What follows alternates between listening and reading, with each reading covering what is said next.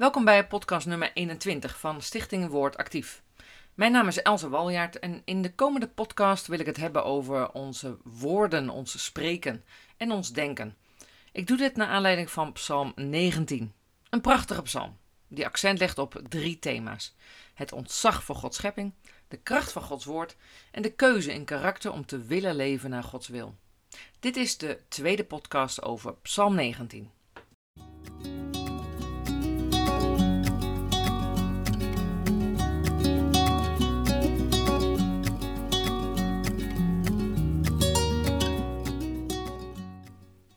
In aflevering 20 ben ik geëindigd met het volgende Bijbelvers. Spreuken 16, vers 24, daar staat: Vriendelijke uitspraken zijn als een honingraad, zoet voor de ziel en medicijn voor het lichaam.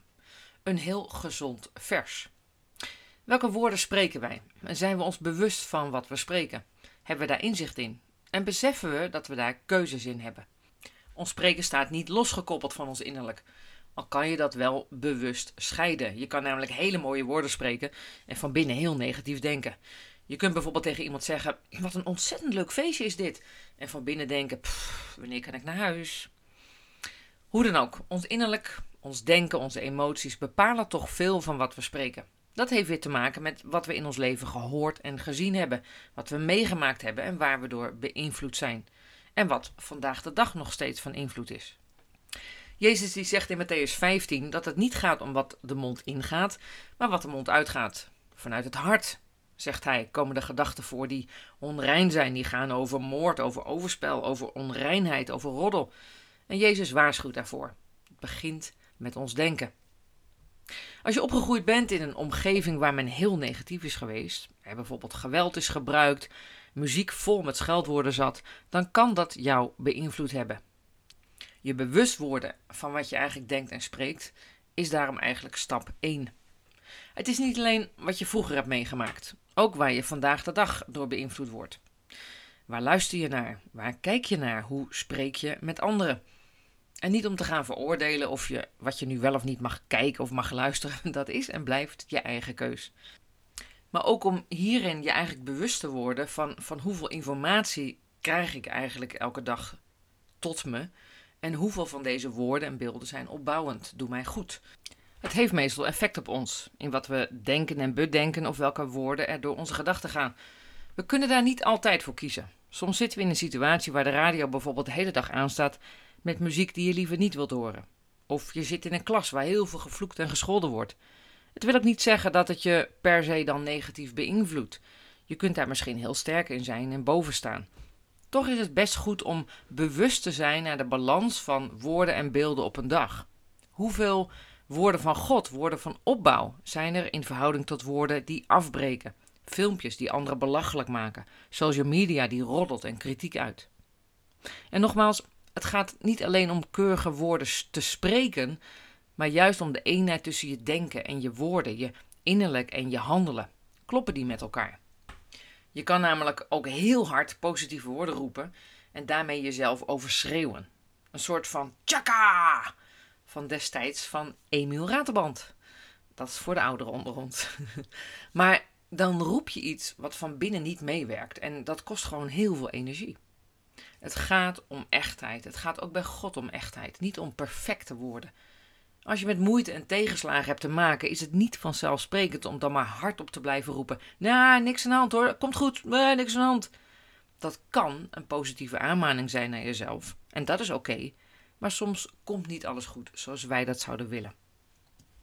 Koning David is altijd heel eerlijk in zijn psalmen over wat hij meemaakt en ervaart. In Psalm 13 zegt hij: Hoe lang nog, Heer? Zult u mij voor altijd vergeten? Hoe lang zult u uw aangezicht nog voor mij verbergen? Maar dan eindigt hij de psalm. Maar ik stel al mijn vertrouwen op uw goedheid en liefde. In mijn hart is vreugde, omdat ik zeker weet dat u voor bevrijding zorgt. Prachtig. Ja, ik heb het moeilijk, maar God is met mij.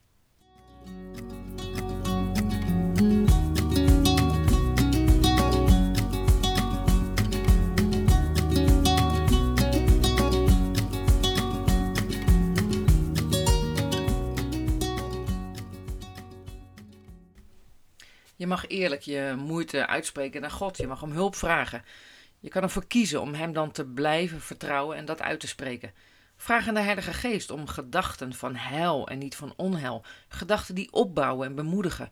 Misschien Bijbelteksten of teksten van liederen die in je gedachten komen. Betrek anderen erbij en, en laat anderen woorden spreken van opbouw. Misschien zelfs anderen de gebeden laten bidden als het voor jou te moeilijk wordt. We hebben elkaar gewoon heel hard nodig. Emoties horen bij het leven, als we maar niet zondigen in die emoties. Boosheid is een emotie die oké is, net als verdriet of blijdschap.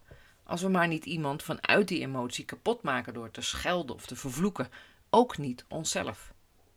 Emotie is iets wat God echt wel kent. In 1 Korinthe staat er bijvoorbeeld een prachtig hoofdstuk 13 over de liefde.